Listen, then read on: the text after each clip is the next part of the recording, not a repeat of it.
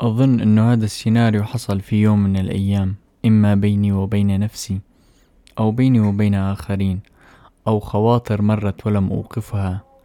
بالأخير كلياتنا رح نوصل لهذا السؤال. نقعد ونستكين لما نظنه راحة وركزوا على كلمة لما نظنه راحة. مش نعتقده راحة لأنه الظن شيء وهمي. ولا أركب الموجة الصعبة وهي موجة التغيير. أما أنا فقد اخترت منذ زمن أن أعرف من أنا ولما أنا. طيب بسم الله الرحمن الرحيم.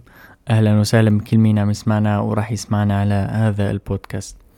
طيب أولا صار فيكم تسمعوا البودكاست على يوتيوب وعلى أنغامي. ثانيا بالحلقة الماضية حكيت عن التركيز وأهميته وصار معي موقف أثبت لي قديش مهم التركيز. الأحد الماضي 28 بالشهر رحت لعند ابن عمي. وأول ما دخلت وسلمت على الشباب. واحد من ولاد عمي قال لي تعال عندي كتير أفكار للبودكاست. قلت له قبل هيك سمعت شي من يلي نزلته؟ قال لي إيه. قلت له كفو عليك هذا الحكي الحلو. وقعدنا وفتحنا بث على الإنستغرام وبلشنا نتجاذب أطراف الحديث. فسألني كم سؤال. قال لي أنت عملت كل شي لحالك؟ كيف تعلمت تسجل؟ ومين ساعدك؟ وهيك. فقلت له لا ما عملت كل شي لحالي. كان معي حسان الشيخ خطوة بخطوة. وفتحت له المحادثة بيني وبين حسون. وسمعته شو كان ينصحني ويقول لي من شان حسن من جودة الصوت. فقال لي إذا ساعدك كل هالشي ليش ما ذكرت اسمه لحسان بالبودكاست؟ أنا طلعت فيه هيك مصدوم. قلت له أنت عم تحكي على الحكي وأنا أول ما دخلت سألته إنه أنت إذا سمعت البودكاست ولا لا. قلت له مو على مو على أساس سمعت الحلقتين يلي نزلتهم قال لي إيه سمعتهم طلع شو؟ طلع الأستاذ سامعهم وهو على الماكينة. يعني هو عم بيشتغل حاطط سماعاته وعم يسمع. لهيك طبيعي جدا ما يكون مركز. وما سمع إني ذكرت اسم حسان لأنه لأنه دماغه عقله ما كان معه. الأصح هو دماغه لأنه العقل هي عملية. المهم كان مركز بشي تاني دماغه ما كان معه كان عاطي تركيزه للشغل. لذلك وقت أنا ذكرت اسم حسان بالبودكاست الأول والتاني ما سمع هذا الشي لأنه ما كان مركز. لذلك بعدين رجع سألني أنت ليش ما ذكرت اسمه؟ أنا كنت ذاكر اسمه أصلا. طيب مثال تاني. جابوا مئة رجل من أغنى الأغنياء في العالم وسألوهم كيف وصلت لهاي الثروة والغنى؟ هاد. ستة وتسعين واحد جاوبوا نفس الجواب أربعة منهم جاوبوا غير جواب وهدول الأربعة الأغنى في العالم من الأسماء الكبيرة بدون ذكر أسماء. وكان الجواب هو التركيز. لذلك نعيد ونكرر ركز بأي شي بدك تعمله. أفصل عن كل شي تاني ممكن يشتت يشتتك وانطلق. خلينا نحكي آه شيء من حياتي الشخصية. أنا أنا لو ما ركزت على نفسي وعلى ما أريد ما بعمره البودكاست كان رح يشوف النور وكتير أشياء ما كان صارت. لو ما طفيت كل شي مشتتات من حوالي من أصدقاء لو ما بعدت عن الشلة لو ما بعدت عن الميديا لو ما ركزت على علمي ما بعمري كان تغير فيني شي. حسون كان بكل بودكاست إله يقول العلم ببلاش. اي والله يا حسون صدقت العلم ببلاش بس مو الكل بده يتعلم. المهم عندما نركز على بناء محمود والإخلاص لهذا الهدف كل العالم ستأتي كل الناس رح تلتم حواليك. أول بابا وماما وأصدقائك هدول يلي كانوا يتمسخروا أو يستهزئوا فيك بيوم من الأيام. بس تثبت نفسك الكل بيصير بده يكون معك وجنبك. وبعدها كل الأشياء يلي بتلزم لبناء هذا المشروع ستخلق أو تنوجد بطريقة أو بأخرى. كنت عم أحكي بعد ما نزلت آخر حلقة إنه هاي الحلقة راح تكون خفيفة وقصيرة. صرت كاتب هلا شي ثلاث صفحات ولسه ما دخلت بالمادة الأساسية. جميل جميل جميل. طيب معلومتنا لليوم من الكتاب الذي أقرأه الآن. لسه ما خلصته. اسم الكا... آه اسم الكتاب عفوا المجاريات للكاتب إبراهيم السكران. هذا تاني كتاب بقرأه لنفس الكاتب. يا ربي الثالث في كتاب رقائق القرآن كمان لنفس الكاتب. عم نقرأه أنا والشباب.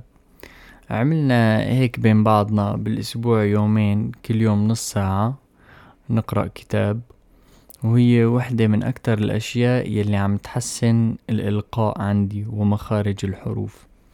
طيب المعلومة تقول والمجالس غالبا تفضح الخطط العلمية للشخص لأنه يظهر في حديثه أثر آخر المقروءات والمحفوظات. خلونا نفصل شوي. آخر فترة أنا بعدت عن بعض الأصدقاء ورجعت جلست معهم بعد شهر أو أكتر. كنت مبلش بهذا الكتاب جديد المجاريات وقرأت فيها الاقتباس. فوقت قعدت مع أصدقائي. عرفت شو يعني المجالس تفضح الخطط العلمية للشخص. مع الأسف الحديث أغلبه كان ها ها ها شفتي هاي شو نزلت؟ شفتي هداك شو عمل؟ كيف هداك اليوم كيف هداك اليوم سهرنا للصبح؟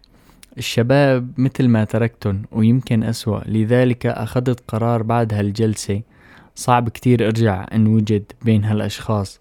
لذلك إخواتي المجالس تفضح الخطط العلمية للشخص. هدول الأشخاص يلي بتتركوهم فترة وبترجعوا بتشوفوهم مثل ما هن هدول الأشخاص بعدوا عنهم يا أخي بجوز هدول الناس أحسن مني بس نحن بس أنا وأي حدا لما بيكون في مرحلة التغيير ومرحلة البحث عن الحقيقة والبحث عن الذات بيكون وصل لمرحلة ما ضل عنده دقيقة يضيعها على هالحكاية هي. لأنه هيك حكاية وهيك جلسات ما بتضيف أي أثر على فكرك وروحك. طيب أنا في أول حلقة من من أنا ولما أنا حكيت إني راح أذكر خمس أو ست أشياء تساعدنا في الوصول إلى من أنا ولما أنا. حكيت عن خمسة في الحلقتين الماضيات وضل شيء واحد وهو التاريخ أو قراءة التاريخ.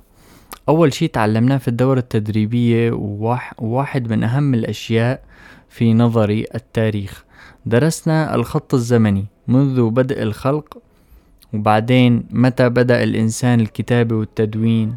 بعد ميلاد سيدنا عيسى وبعد ميلاد سيدنا المسيح بمية وسبعين سنة ولد سيدنا محمد. بعدين عصور الظلام والعصور الوسطى في أوروبا. بعدين النهضة والتنوير والعقل. طبعا نحن فصلنا فيهم آه، كلهم. ما أخدناهم هيك سرد زمني مثل ما أنا عم أسردهم.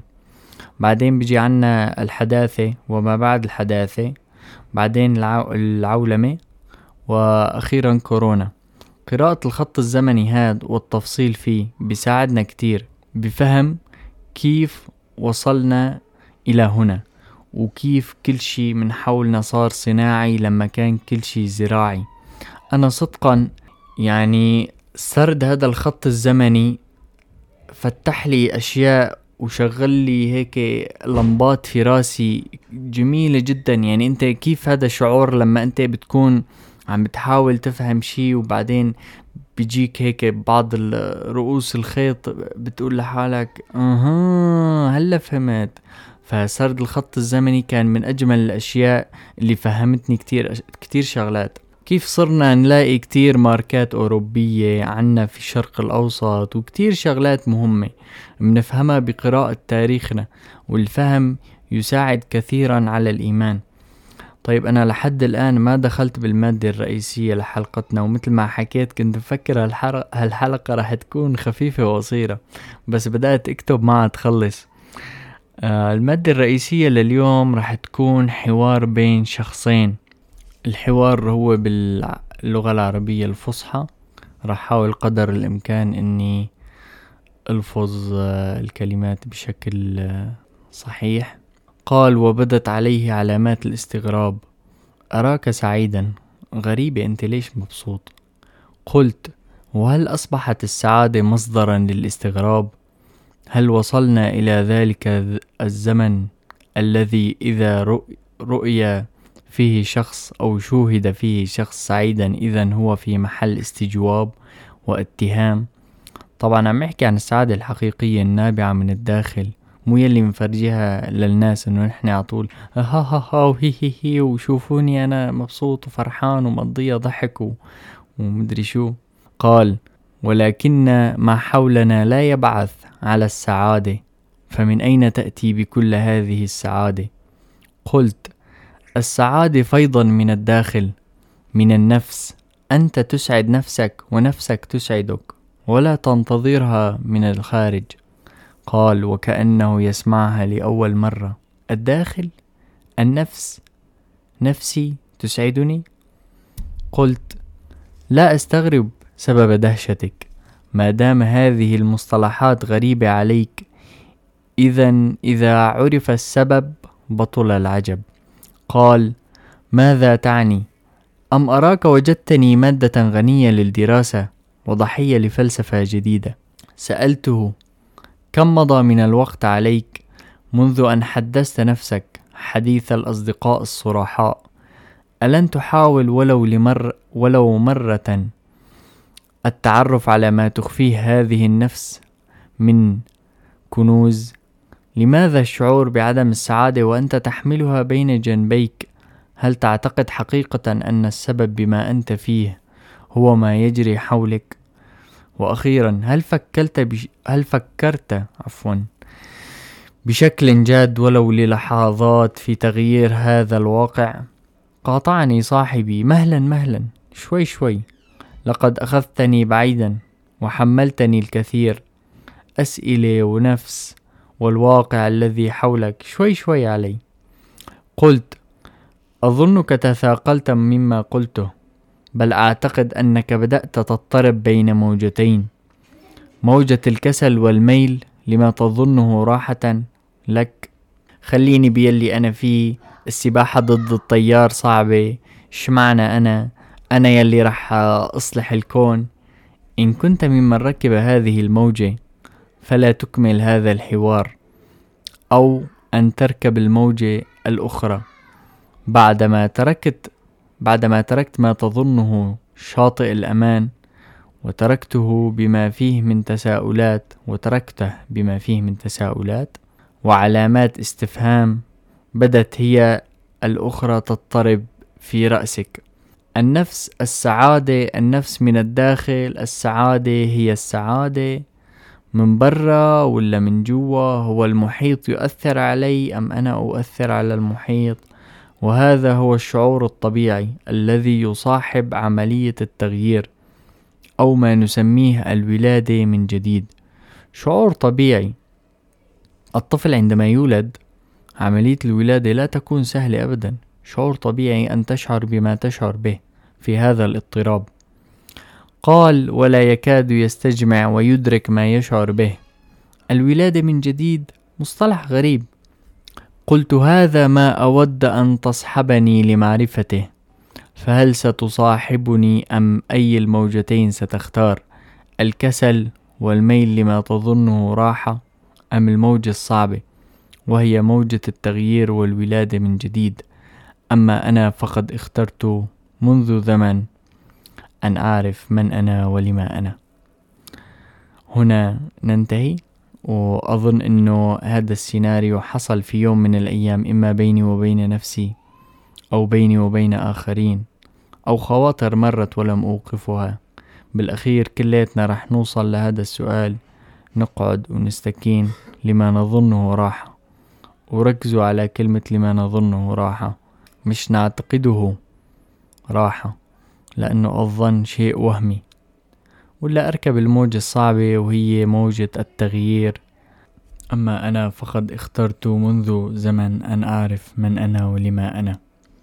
تواصلوا معي عن طريق الإيميل وحسابات التواصل الاجتماعي راح تكون موجودة في, في صندوق الوصف تحت.